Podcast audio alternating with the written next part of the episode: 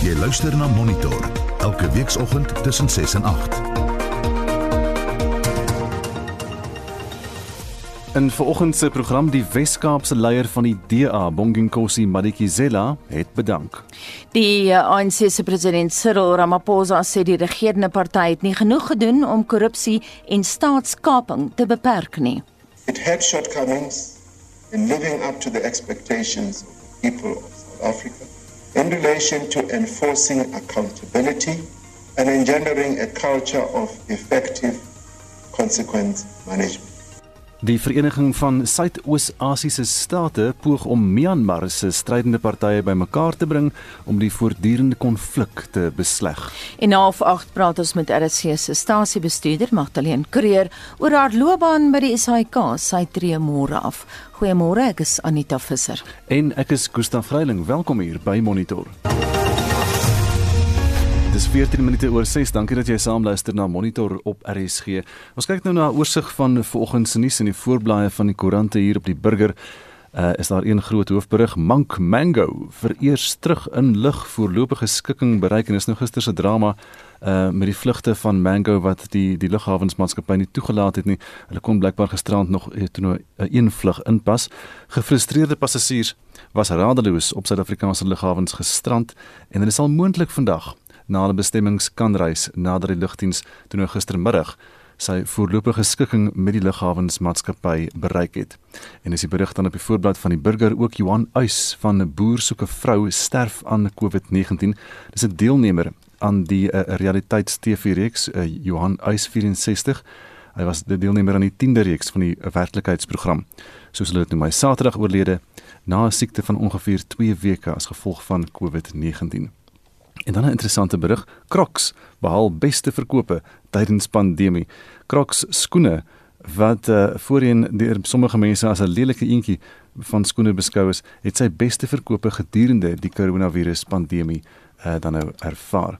Die voorblad van beeld vanmôre ook die fotos van die mense wat gestrand is daar in die lughawe by die vertreksaal uh, voor Dooyemans deur En dan aan die ander berig oor die vliegtye, vliegtye bots in die lug, die vlieëniers kommunikeer dalk nie en dis 'n storie oor daardie ongeluk. Die radio's van die twee ligte vliegtye wat maandag naby Grasmeer suid van Johannesburg in die lug gebots het, was dalk buite werking en dis die mening van Adrian Munro, 'n lugvaartkenner. Die voorblad van Volksblad het soos al die meeste ander koerante ook die storie van president Cyril Ramaphosa en uh, sy verskyning dan nou gister daar voor die Zondo kommissie. Staatskaping was slie versteek, hoor Zondo. Ramaphosa erken dit voor die kommissie dring nog nie deur tot kern en dis die uh, mening van 'n ontleder daar. Ook 'n berig oor die uh, Pierneef saak wat dan nou voortsleep daar in die Vrystaat. Regter het nie hierna gekyk. Hy was so oorweldig deur die waarde van die Pierneef skildery uh, wat daar uit die Vrystaatse premierskantoor gestel is en die publisiteit wat daaraan gegee is dat die regter toe nou nie verder gekyk het na die getuienis wat daarop dui dat uh, Ricardo Metler moontlik nie skuldig is nie en dit is dan nou sy advokaat wat dan nou so aangevoer het daar in die hof. Die voorblad van die Business Day koerant vandag natuurlik ook die Zondo kommissie en hy het hulle sê hier Zondo draai die skroewe aan nou so in die Engels uh, op die ANC ontplooiingskomitee deur vir Ramaphosa te vra nou hoe die foute dan nou gebeur as hierdie komitee dan nou so goed was. Daai Maverick.co.za het ook hierdie berig Ramaphosa erken en die woorde wat hy gebruik het massive system failure uh, met die aanstelling van die rade van staatsondernemings. Internasionale nuus in hierdie stadium op bbc.com Joe Biden het daar 'n toespraak gelewer in die Amerikaanse Kongres met eh, Kamala Harris en uh, Nancy Pelosi daar agterom en dis 'n beleggingsplan 4 uh, triljoen sê hulle so dis 'n biljoen in Afrikaans of 1000 miljard 4000 miljard Amerikaanse dollar wat belê gaan word in werksgeleenthede, onderwys en maatskaplike sorgplanne. America's on the move again, sê Joe Biden. En dit is net so vinnige oorsig oor vanoggend se nuus. Die ANC se president Cyril Ramaphosa het toegegee dat die ANC in die verlede toegelaat het dat 'n individu aangestel word in senior posisies in die staatsdiens sonder die vereiste ervaring of kwalifikasies. Die DA-leier John Steenhuisen het vroeër gesê kaderontplooiing het staatskaping veroorsaak en koffers is geplunder. Dink jy die Sondekommissie se ondersoek na staatskaping sal die ANC dwing om kaderontplooiing as beleid te laat vaar en ook om korrupsie in die staatsdiens uit te roei. Wat het jou getref van Ramaphosa se getuienis sover? Bly ook ingeskakel want 10 oor 7 het ons 'n in diepte gesprek oor die saak. Intussen stuur vir ons 'n SMS na 45889. Dit kos R1.50 of gaan na facebook.com vorentoe skynstreep ZRSG of WhatsApp vir ons stemnota na 076 536 6961 076 536 6961 Dis nou 19 minute oor 6 in 'n betoging in die Greenpoint eh, woongebied daar in Kimberley in die Noord-Kaap het gister gewelddadig geword. Die polisie moes rubberkoels en traanrook gebruik om die betogers uiteen te jaag. Vroeger die week het betogings ook in Galeshewe en Rodepan opgevlam. Die betogers eis dat die Solplaatjie munisipaliteit daar dadelik diensleweringkwessies in die stad moet hanteer. Dit sluit in rou rioolvuil wat in inwoners se erwe en gebrek aan sanitasie dan nou daar en 'n nuwe Borumela doen verslag. Traanrook is afgevuur en klippe is rondgegooi in 'n botsing tussen betoggers en die polisie in die Greenpoint Township. Die rede vir die onrus is die Salpluitjie munisipaliteit wat daarvan beskuldig word dat sy dienslewering aan inwoners swak is. Die betoggers sê hulle sal aanhou tot daaraan hulle eis vir basiese dienste voldoen word. Alle gemeenskappe is rondom ons geontwikkel en dit het gruwe in ons in ons gemeenskap se harte ingebring deur te sê dat ons vader na die straat toe wanneer ons het vreugdevolle proteste gedoen en na die premier se kantoor toe gegaan en tot dusver toe het die premier niks aan ons situasie gedoen. Government het ons gefail. So ons voel net dat ons gaan nou non-political want dit is deur politics wat Greenpoint vandag lyk soos Greenpoint lyk. Die Noord-Kaapse regering het onlangs 'n infrastruktuurplan ten waarde van 500 miljoen rand aangekondig. Die verwagting is dat dit die dienslewering kwessies in die Solplaatjie munisipaliteit sal verbeter. Die woordvoerder van die premier, Bronwyn Thomas Abrahams, het die betoggende gemeenskap gevra om die munisipaliteit tyd te gun om die plan te ontplooi. Dit is kommerwekkend dat onmiddellik na ons aangekondig het dat ons 'n 500 miljoen rand inspuiting in die Solplaatjie munisipaliteit gaan maak, is daar nou hierdie protesaksie van die gemeenskappe. Dit laat mens wonder is daar nie 'n ander agenda hier wat wil wil hê dat die intervensie moet nie suksesvol wees nie. Die Noord-Kaapse provinsiale regering sê die betoggings het die inwerkingstelling van die infrastruktuurplan in daai woongebiede vir veiligheidsredes vertraag. Ek is Neo Budumela in Kimberley. Beweringe van korrupsie teen die minister van verdediging, Nosifiwe Mapisa Nkakula, is op volgende week se agenda van die parlementêre gesamentlike staande komitee vir verdediging se vergadering geplaas. Die komitee het vroeër die maand 'n lys beweringe ontvang van die IDM-leier Bantola Misa. Daarin word beweer dat Mapisa Nkakula tussen 2017 en 2019 geskenke en kontant ter waarde van 5 miljoen rand van 'n kontrakteur ontvang het. Celine Merrington het meer. Volgens inligting wat aan die komitee verskaf is, sê die minister van verdediging en militêre veterane glo verskeie betalings van 5 miljoen rand van 'n verdedigingsdiensverskaffer ontvang. Dit sluit in kontant, luxe hotelverblyf en opgraderings aan haar privaat woning. Die voorsitter van die komitee, Cyril Kaba, sê die kwessie sal volgende week bespreek word. Confirmed that during the short break, I received two emails from General Olomisa detailing a list of allegations against one of the members of the executive as reported in the media. I will table these emails at the first meeting of the Joint Standing Committee on Defense next week for guidance and way forward. In sy e-pos aan die komitee sê IDM-leier Bantu Olomisa dat dit belangrik is vir die komitee om die beweringe te ondersoek. I've written things to the, to the Joint Standing Committee on, on Defense. Hopefully, they will uh, react to that, react uh, in the form of saying, one, can we uh, verify the authenticity or otherwise of this serious allegation? Two, we must give the opportunity to the minister to respond formally. Lede van die oppositie, die Vryheidsfront Plus leier Pieter Groenewald en Kobus Maree van die DA, het die beweerde korrupsie betreur. Die Vryheidsfront Plus beskou dit van so 'n aard dat dit nie net by die gesamentlike staande komitee van verdediging aanhange gemaak moet word om verder te ondersoek nie. Dit moet by die polisie aanhange gemaak word en die polisie, die valke moet 'n behoorlike ondersoek doen na hierdie beweringe. Die parlement se geskiedenis is dat komitees traag is om op te tree teen beweringe van korrupsie teen ministers.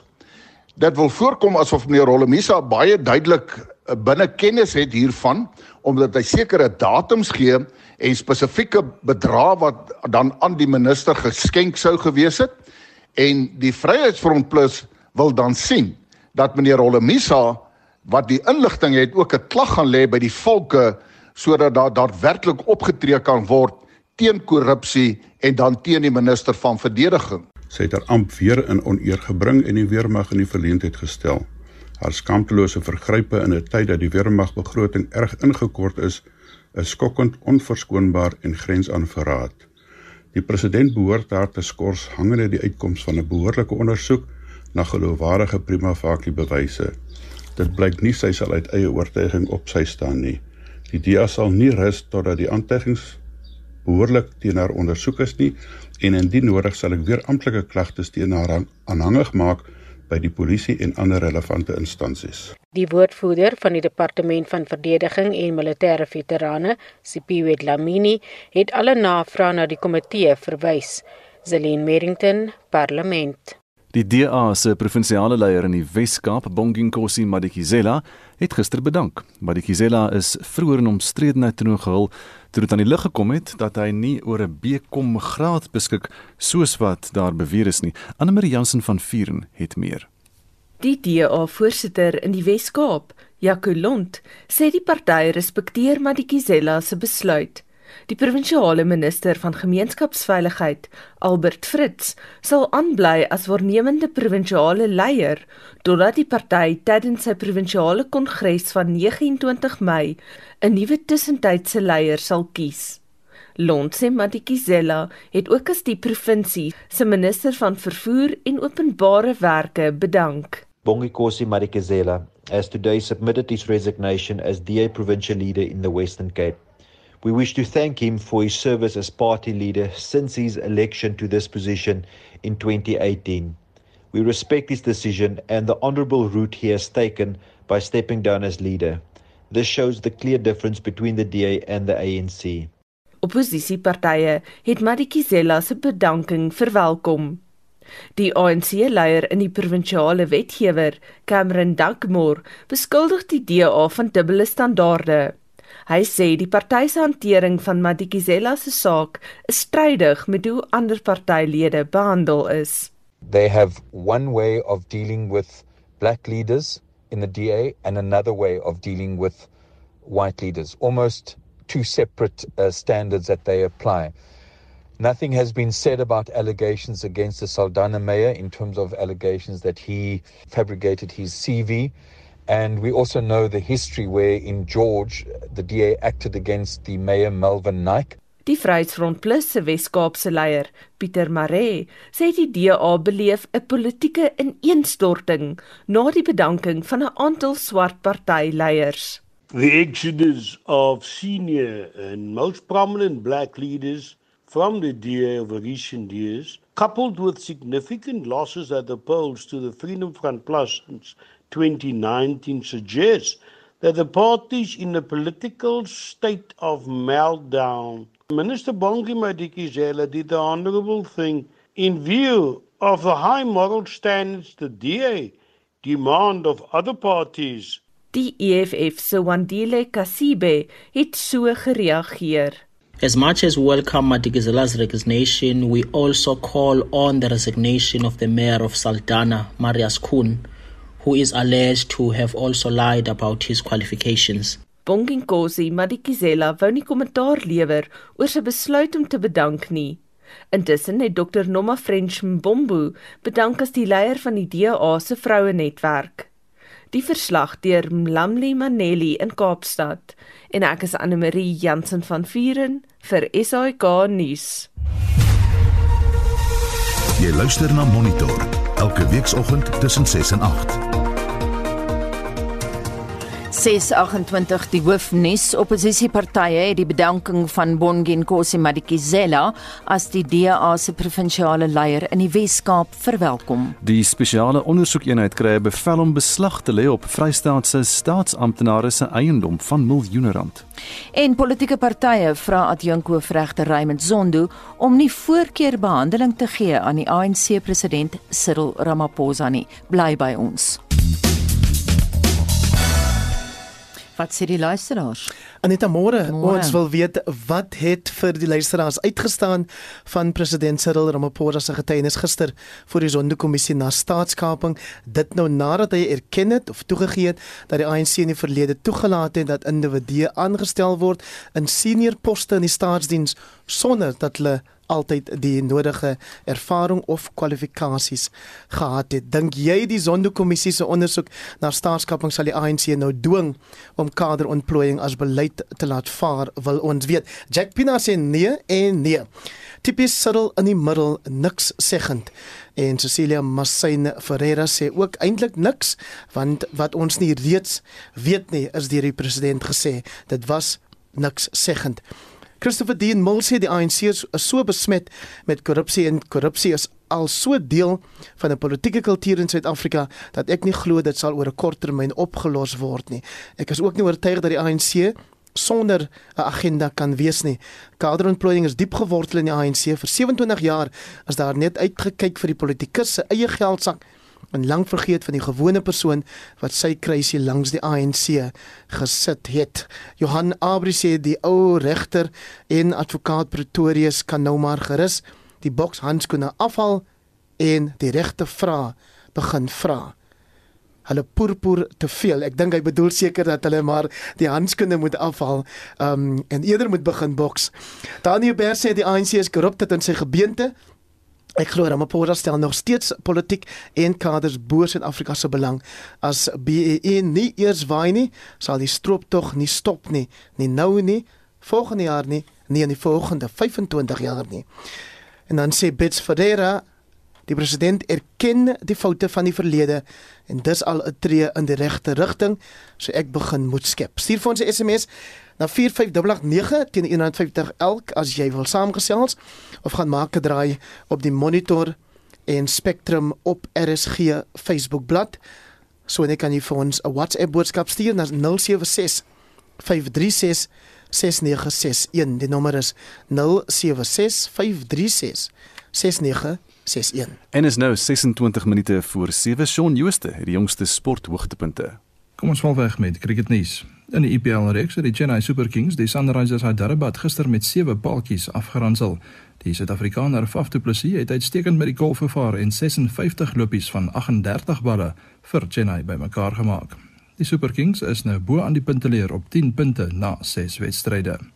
Die Mumbai Indians en Rajasthan Royals pak mekaar om 12:00 en die Delhi Capitals en Kolkata Knight Riders mekaar vanmiddag 4:00. Die tweede, laaste en ook beslissende toets tussen Sri Lanka en Bangladesh is in Kandy aan die gang, terwyl die toetsreeks tussen Zimbabwe en Pakistan half 10 in Harare begin. Sokker. Gister in die DStv Premier Liga het Kaizer Chiefs 1-0 teen Chippa United en Baroka FC ook 1-0 teen TS Galaxy verloor. Chakuma FC het 1-0 teen Bloemfontein Celtic geseëvier.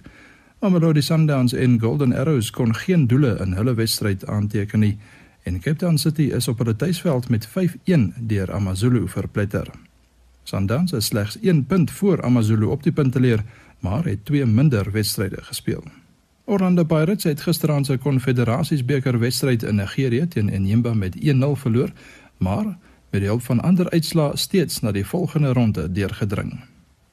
In die eerste been van die UEFA Kampioenligga halfeindstryde het Manchester City van Engeland vir PSG van Frankryk met 2-1 uitoorlê.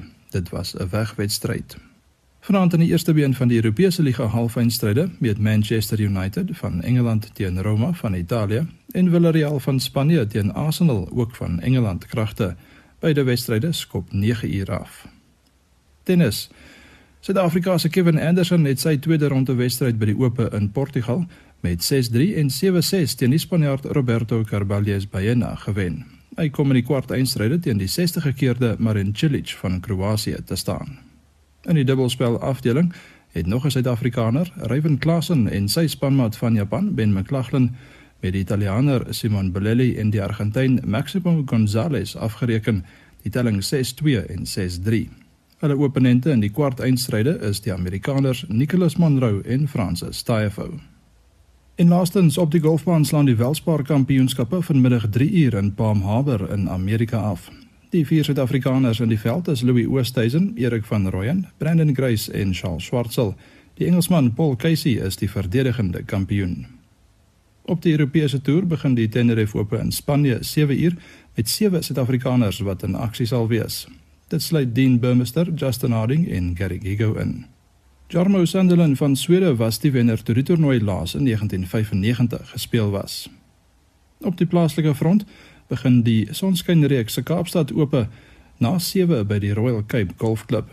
Bekende name soos Wilco Ninaber, Brandon Stone, JC Ritchie en Daniel van Tonder neem aan die toernooi deel en Pieter van den Berg sorg vir gereelde telefoniese verslae oor gebeure. In vroue golf het die Johannesburg vroue ope gister in Soweto begin. Die veteran Leon Pace het die eerste ronde op 4 onder geëindig en is 3 houe voor haar naaste teenstanders. In die eerste ronde van die LPGA Tour se vroue wêreldkampioenskappe is ook in Singapore aan die gang. Ashley Buy is die enigste Suid-Afrikaner in die veld. Shaun Schuster, SAK Sport. Die 10 lidland vereniging van Suidoos-Asiëse state, oftewel OSCE-ASEAN, poog sover vrugteloos om Myanmar se strydende partye bymekaar te bring in 'n poging om die konflik wat al sedert 1 Februarie duur te besleg. Intussen sê 'n minderheidsinheemse groep, die Karen, dat hulle nou in beheer is van 'n weermagbasis in Oos-Myanmar naby die grens met Thailand. Rolf Meyer, wat betrokke was by die aanvanklike demokratiseringsproses in Myanmar, was gister in gesprek met van die partye in daardie land en ons praat ver oggend met hom. Goeiemôre Rolf. Môre Anita. Met wie het jy gister gepraat?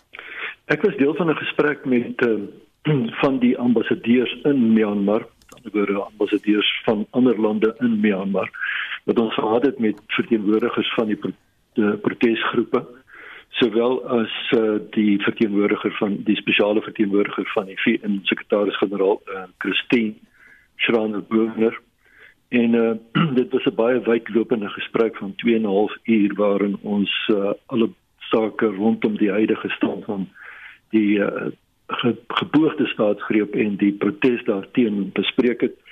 Uh, ook veral na aanleiding van die uitkoms van die afgelope naweek se beraad van die Suidoos-Asiëse nasies waarna jy verwys het.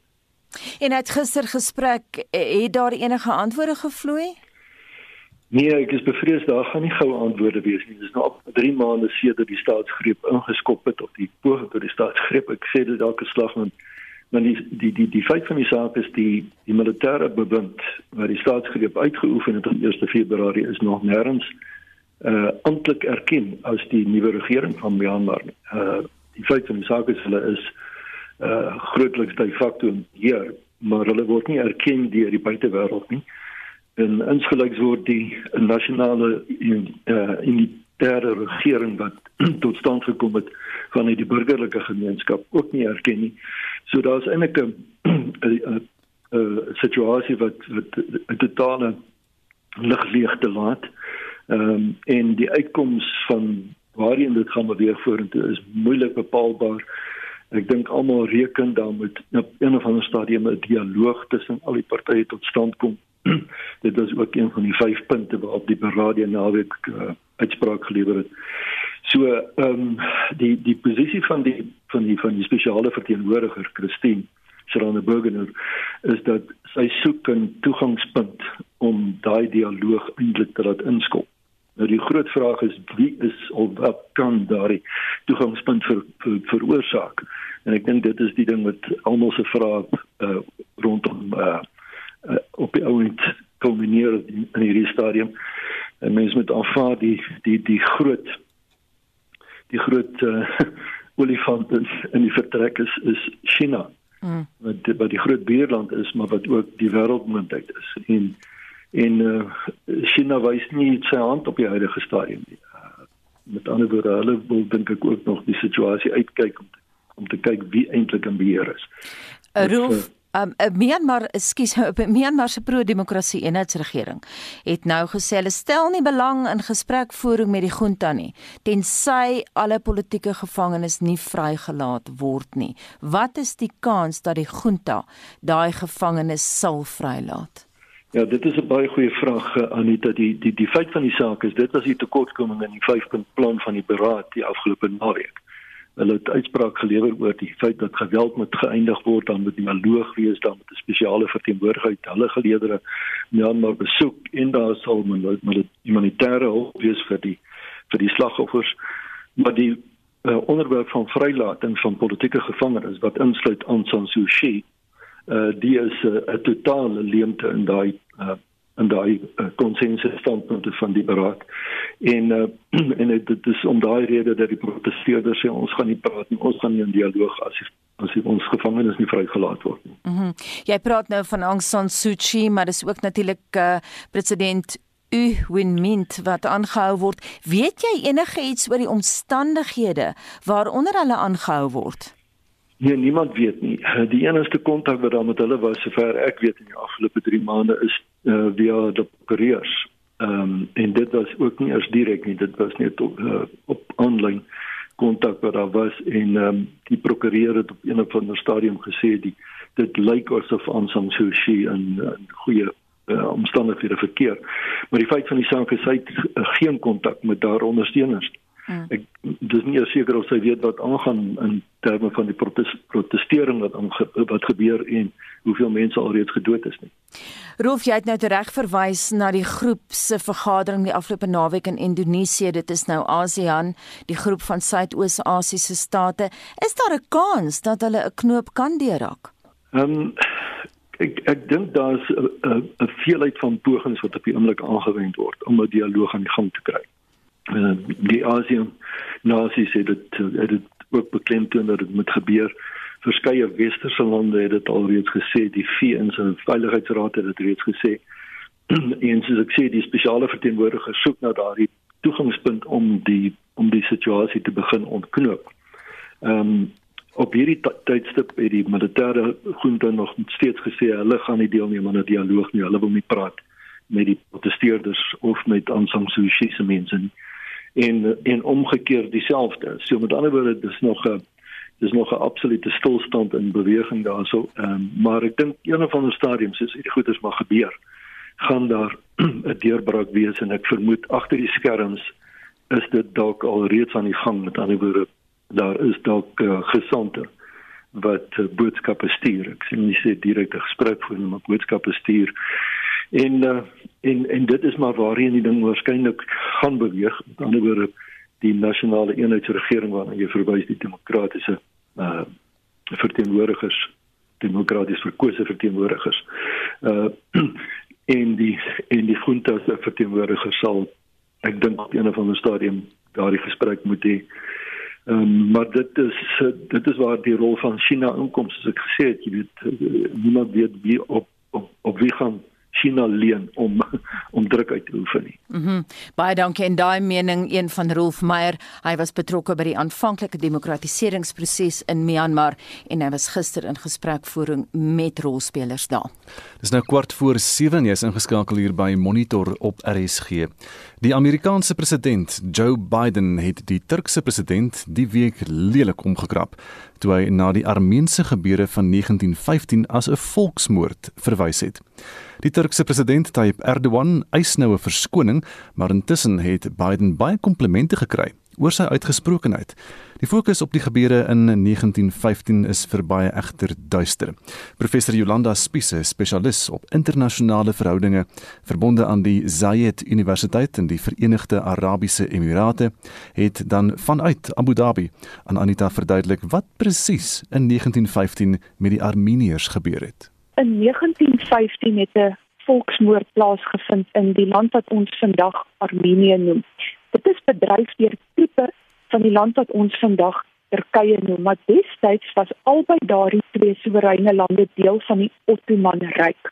Ottoman-ryk was 'n massiewe moslimryk wat groot dele van Europa, Noord-Afrika en Asië beheer het. Armenië het egter 'n baie spesifieke plek in die geskiedenis van die Christendom want dit was die eerste land wat in die 4de eeu na Christus die Christendom aanvaar het as sy amptelike geloof. Met die verloop van geskiedenis het Armenië deel geword van hierdie massiewe Ottoman-ryk. Tydens die Eerste Wêreldoorlog het die bevelvoerders van die Ottomanse weermag besluit dat die Armeniërs vir hulle 'n bedreiging ingehou het. Hulle besluit toe om alle Armeniërs uit die Ottomanse ryk uit te deporteer en hulle letterlik te verdryf na die Syriese woestyn toe. Meer as 'n miljoen vroue en kinders is voor troepe aangejaag sonder kos en water en het in die proses doodgegaan. Dit was nie die enigste moorde wat teen Armeniërs gepleeg is nie in die groot stede van wat ons vandag Turkye noem, stede soos Konstantinopel wat vandag Istanbul is, is Armeniese intellektuele vergader en voor die voet doodgemaak. Die gevolg was dat hierdie volksmoord die wêreld se skok aangegryp het en tot en met die Tweede Wêreldoorlog was dit bekend as die grootste vergrype teen menseregte wat ooit plaasgevind het. En dit dan eh, professor Jolanda Spies van die Zayed Universiteit in die Verenigde Arabiese Emirate. Nou Armenië se volksmoord eh, wat soos uh, wat professor Spies verduidelik het amptelik deur Frankryk en Duitsland as sulks erken is, het die monitor redaksie laat wonder oor die presiese definisie van hierdie woord volksmoord. Anita het by 'n internasionale regskenner aan die Universiteit van Johannesburg, professor Henny Strydom, gaan kers opsteek. Volksmoord word gereël deur die verdrag teen volksmoord van 1948. Hierdie verdrag is aanvaar kort na die Tweede Wêreldoorlog as gevolg van wat gebeur het met die Joodse bevolking in Europa onder die Nazi-regime. Die vereistes waaraan voldoen moet word is soos volg: uh dit slaan op enige handeling wat die opset het om 'n ras, etniese, religieuse of nasionale groep uit te wis of 'n deel van die groep. Die opset om dit te doen moet bewys word alvorens 'n instelling of 'n persoon skuldig bevind kan word aan volksmoord. En hoe algemeen is volksmoord? Hoeveel lande is al skuldig bevind daaraan? Wel, ons weet natuurlik uh, wat gebeur het uh, in die Tweede Wêreldoorlog en die debatte daarna. Daar het ons die interessante ontwikkeling gehad dat Duitsland uh, die volksmoord erken het. Ons sit met 'n volksmoord uh, of 'n beweerde volksmoord in Namibië tydens die Duitse koloniale bewind wat vandag nog in dispuut is. En dan het ons hier op ons eie Afrika bodem die verdere geval gehad van die 1994 uh, volksmoord in Rwanda. En daar was ook sprake van moontlike volksmoord in uh, Sudan met die konflik wat daar aan die gang was. En dan heel onlangs uh, is dit ook geopper met betrekking tot wat gebeur het met die Rohingyas in Suid-Asië. So uh, hierdie gevalle kom van tyd tot tyd voor en uh die bewyse is nie altyd gerig op die vereistes nie met die gevolg dat uh, daar altyd nie altyd nie maar soms 'n dispuut is of dit wel volksmoord is of een of ander ander oortreding wat gepleeg is. En seker ook baie moeilik soos in die geval van Armenië waar dit terugstrek na 1915 toe. Ek meen waar op aarde sal mens nou die bewyse daarvoor kon kry? Ja, daar is blykbaar argiefmateriaal. Ek het nie self die argiefmateriaal onder oë gehad nie en dis in Turkye ook gesetel en ek dink daar's ander lande wat ook argiefmateriaal het wat die saak daar moeilik maak of moontlik eh, 'n uh, dispuut kan veroorsaak is omdat die bewering is dat baie van die Armeniërs wat gesterf het, het gesterf in 'n gewapende konflik. Mm. Sodat dit die vraag laat ontstaan was die uh, die opset aan die een kant aan die Ottoman kant daarop gerig om hierdie groep uit te wis of was die sterftes die gevolg van 'n gewapende konflik ten minste gedeeltelik. En wat sou die Armeniërs se opsie wees as hulle byvoorbeeld nou stappe sou wou neem teen Turkye? Ons moet 'n aanmerking neem dat 'n instelling soos die internasionale strafhof wat jurisdiksie het oor hierdie tipe misdaad toe nog nie bestaan het nie en dit is ook nie terugwerkend van toepassing in terme van die statuut van Rome nie. In die 15 uh toe hierdie insident plaasgevind het, was daar natuurlik nie sulke instellings van 'n ander aard nie. En ek kan ook die voorbeeld noem van uh die Duitse uh veerde volksmoord in Namibië toe nog 'n uh, Suid-Afrika was en 'n kolonie is was van Duitsland. As onlangs 'n uh, saak probeer in Amerika om uh, skadevergoeding te kry. Uh, dit is een van die opsies. Die, instelling of die persone wat uh, die volksmoord nou weer gepleeg het. En dan sit mense met 'n jurisdiksieprobleem in die land waar 'n mens so aksie uh, aanhangig bemaak. So ek dink die eerste ding wat die Armeniërs waarskynlik wil kry is 'n erkenning van die Turkse regering dat daar wel volksmoord is en daarom help hierdie besluit van Biden hulle natuurlik en daar's ook heelwat ander lande wat dit as 'n volksmoord erken. Die rede hoekom Turkye nie bereid is om dit uh, ook te doen nie is natuurlik dat hulle moontlik dan ook siviele eise in die gesig kan staar as hulle dit eenmaal sou erken het. En dit dan professor Henny Strydom, internasionale regskenner van die Universiteit van Johannesburg. Nou ons bly by Armenië en keer nou terug na professor Jolanda Spies in Abu Dhabi wat aan Anita verduidelik het wat die impak van president Biden se uitlating oor volksmoord op verhoudinge tussen Washington en Ankara sal wees. Ons is almal verras daaroor dat Biden sterker oorkom as wat ons verwag het hy sou want selfs sy ondersteuners was bekommerd dat hy soos 'n baie bejaarde vriendelike oom sou optree en almal sou probeer tevrede stel en nou het hy ons verwagtinge verkeerd bewys want hy hou nou spesifieke internasionale leiers verantwoordelik vir hulle gedrag. Dit is 'n baie sterk begin. Ek sou wou sien dat hy so voortgaan, maar daar's natuurlik nie waarborge in die politiek nie. Wat dink jy gaan dit doen aan die verhouding met Ankara, die verhouding tussen Washington en Ankara want uh, president Erdogan sê hy moet nou sy uitlating terugtrek. Die verhouding tussen Washington en Ankara is alreeds baie baie gespanne dit het vir 4 jaar tydens die bewind van president Trump het dit gelyk asof daar 'n effense ontspanning was omdat die twee leiers mekaar so aantreklik gevind het. Maar die realiteit is dat Turkye weens sy posisie binne NAVO alreeds jare lank knaag aan Europa en Amerika se alliansie. Erdogan het geen grond om op te staan deur te sê Biden moet dit terugtrek nie. Daar's baie ander leiers in die wêreld, insluitende die Franse parlement, die Duitse parlement wat al amptelik resolusies aanvaar het om te sê dat dit wat gebeur het 100 jaar gelede 'n volksmoord was wat spesifiek deur die Turke aan die Armeniërs gedoen is. So ek dink nie hierdie knee-jerk reaksie van Erdogan gaan enige effek hê nie. Wat is Erdogan se opsies? Hoe sou hy die saak nou wys kon hanteer?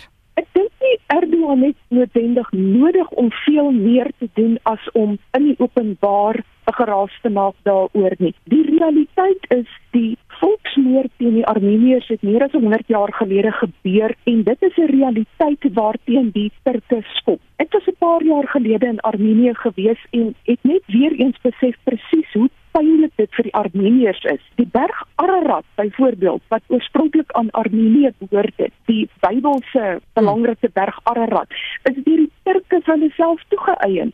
So dit is 'n seer in die hart van sentraal-Europa wat nie weggaan nie. Dis een van daai historiese situasies wat deesdae deur retoriek maar net elke nou en dan weer opgehaal word. Aan die einde van die dag gaan dit geen verskil maak aan die werklike kwessies tussen Amerika en Turkye nie. Hoe voel die Armeniërs vandag daaroor? Wil hulle veldtog loods daarteen? Wil hulle dit aan die openbare groot klok hang? Nee, dit is nie vir die Armeniërs 'n storie van die verlede nie. Daar is steeds meer Armeniërs buite hulle land as binne hulle land en dit het te maak met die uitval van daardie volksmoord in 1915. Maar hulle is 'n buurland van Turkye en Turkye uh, vis-à-vis Armenië is 'n magtige staat. So die Armeniërs probeer bloot om te oorleef in daardie wêrelddeel waar hulle buurlande lande soos Iran en Rusland en Turkye is. Maar hulle as 'n klein klein volkie wil bitter graag hê die wêreld moet verstaan dat hulle identiteit amper uitgewis is. En soos vir almal anders in die wêreld is jou eie identiteit belangriker as enige iets anders. Hulle wil nie hierdie wêreld moet vergeet daarvan nie.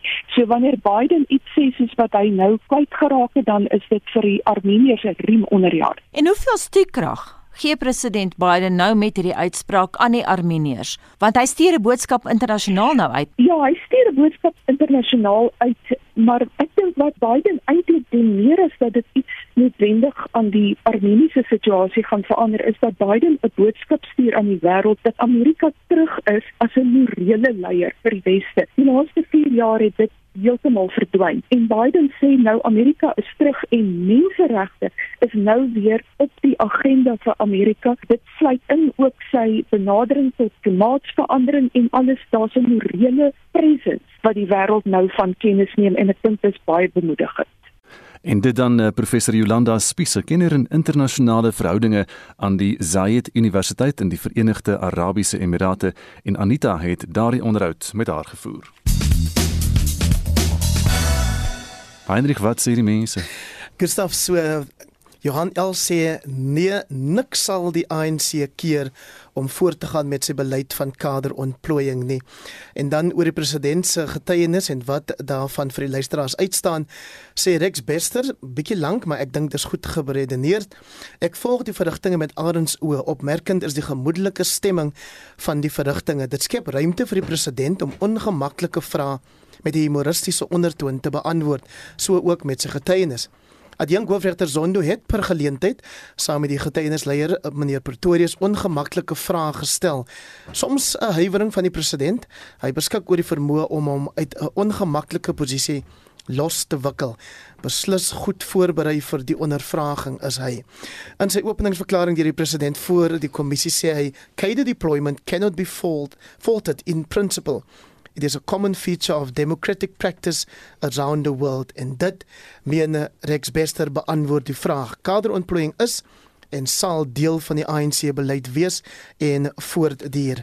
Louis van Niekerk sê ek het ook die verrigtinge gevolg en stem saam dit is eintlik 'n ongemaklike gemoedelike stemming.